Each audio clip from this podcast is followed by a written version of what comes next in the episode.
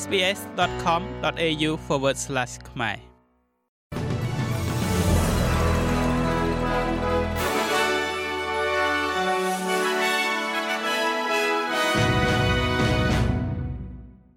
សូមស្វាគមន៍មកកាន់នេតិព័ត៌មានខ្លីៗរបស់ SBS ខ្មែរសម្រាប់ថ្ងៃប្រហ័សទី29ខែកុម្ភៈឆ្នាំ2024 អ្នកជំនួញជនជាតិចិនអូស្ត្រាលីម្នាក់ត្រូវជាប់ពន្ធនាគារក្រោមច្បាប់ជ្រៀតជ្រែកពីបរទេសរបស់អូស្ត្រាលីអ្នកជំនួញនៅរដ្ឋ Victoria លោក D Sandung គឺជាមនុស្សដំបូងគេដែលត្រូវបានរកឃើញថាមានទោស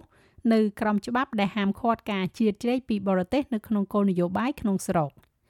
លោកដួងត្រូវបានគេរកឃើញថាមានពិរុទ្ធក្នុងទំនាក់ទំនងជាមួយនឹងរដ្ឋមន្ត្រីក្រសួងកិច្ចការពហុវប្បធម៌សហព័ន្ធកាលពីជំនាន់នោះ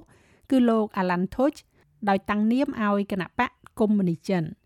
គេរំពឹងថាលោកនឹងចំណាយពេលយ៉ាងហោចណាស់12ខែនៅក្នុងមន្ទីរឃុំឃាំងមួយទៀតនោះពាក់ព័ន្ធជាមួយនឹងការណែនាំអំពីវ៉ាក់សាំងបង្ការ COVID-19 ប្រជាជនអូស្ត្រាលីដែលមានអាយុលើសពី65ឆ្នាំរួមជាមួយនឹងមនុស្សពេញវ័យដែលមានបញ្ហាប្រព័ន្ធភាពស៊ាំនិងមេរោគមានសិទ្ធិទទួលបាននៅវ៉ាក់សាំងការពារ COVID-19 រៀងរាល់6ខែម្ដង នៅថ្ងៃនេះរដ្ឋាភិបាលបានទទួលយកដំបូន្មានពីក្រុមប្រឹក្សាបច្ចេកទេសអូស្ត្រាលីស្ដីពីការចាក់ថ្នាំបង្ការហៅកាត់ថាអាតាគីសម្រាប់កម្មវិធីចាក់វ៉ាក់សាំង COVID-19 ឆ្នាំ2024មនុស្សពេញវ័យផ្សេងទៀតទាំងអស់មានសិទ្ធិទទួលបានដូសបន្ថែមរៀងរាល់12ខែម្ដងដូចគ្នាទៅនឹងកុមារដែលមានបញ្ហាប្រព័ន្ធភាពស៊ាំទៅនឹងជំងឺដែរដែលមានអាយុលើសពី5ឆ្នាំ ដំបូន្មាននេះចែងថាកុមារដែលមានសុខភាពល្អមិនតម្រូវឲ្យចាក់ដូសជំរុញទេនៅឆ្នាំនេះដោយសារតែមានអត្រាទាបនៃជំងឺធ្ងន់ធ្ងរក្នុងក្រុមអាយុនេះចុងក្រោយនេះពាក់ព័ន្ធជាមួយនឹងភ្លើងឆេះព្រៃនៅក្នុងរដ្ឋ Victoria ក្រុមអ្នកពន្លត់អគិភ័យបានគ្រប់គ្រងអណ្ដាតភ្លើងដ៏ធំចំនួន2ដែលឆាបឆេះនៅភូមិខាងលិចរដ្ឋ Victoria ដោយមួយនោះគឺស្ថិតនៅភូមិខាងលិចនៃទីក្រុង Ballarat និងមួយទៀតនៅ Dirrell ក្បែរ Geelong ប៉ុន្តែបទបញ្ជាក្រានរំលឹកឲ្យប្រុងប្រយ័ត្ននិងចាត់សកម្មភាព Watch and X Alert នៅតែមាននៅឡើយសម្រាប់តំបន់ភ្លើងឆេះព្រៃទាំងពីរនេះប្រជាពលរដ្ឋដែលមិនបានរស់នៅក្នុងទីប្រជុំជនដែលគ្របដណ្ដប់ដោយការប្រកាសអាសន្ននេះទេនោះពេលនេះអាចត្រឡប់ទៅផ្ទះវិញបានដោយអាជ្ញាធរកំពុងផ្ដោតទៅលើការវាយតម្លៃការខូចខាត ក្នុងពេលជាមួយគ្នានេះដែររលកកម្ដៅដ៏ខ្លាំងដែលបានបោកបក់មកលើរដ្ឋអូស្ត្រាលីខាងលិចនិងអូស្ត្រាលីខាងត្បូងបានធ្វើដំណើរឆ្ពោះទៅទិសខាងកើត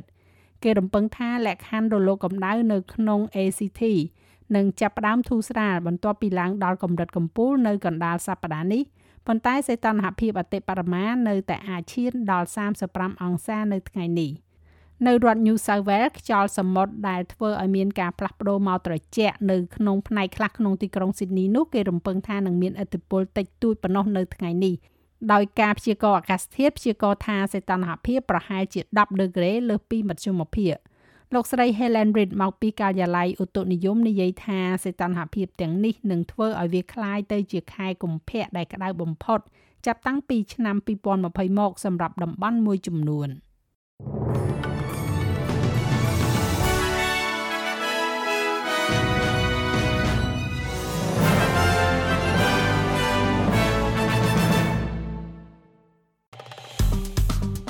ចុច like share comment និង follow SPS ខ្មែរនៅលើ Facebook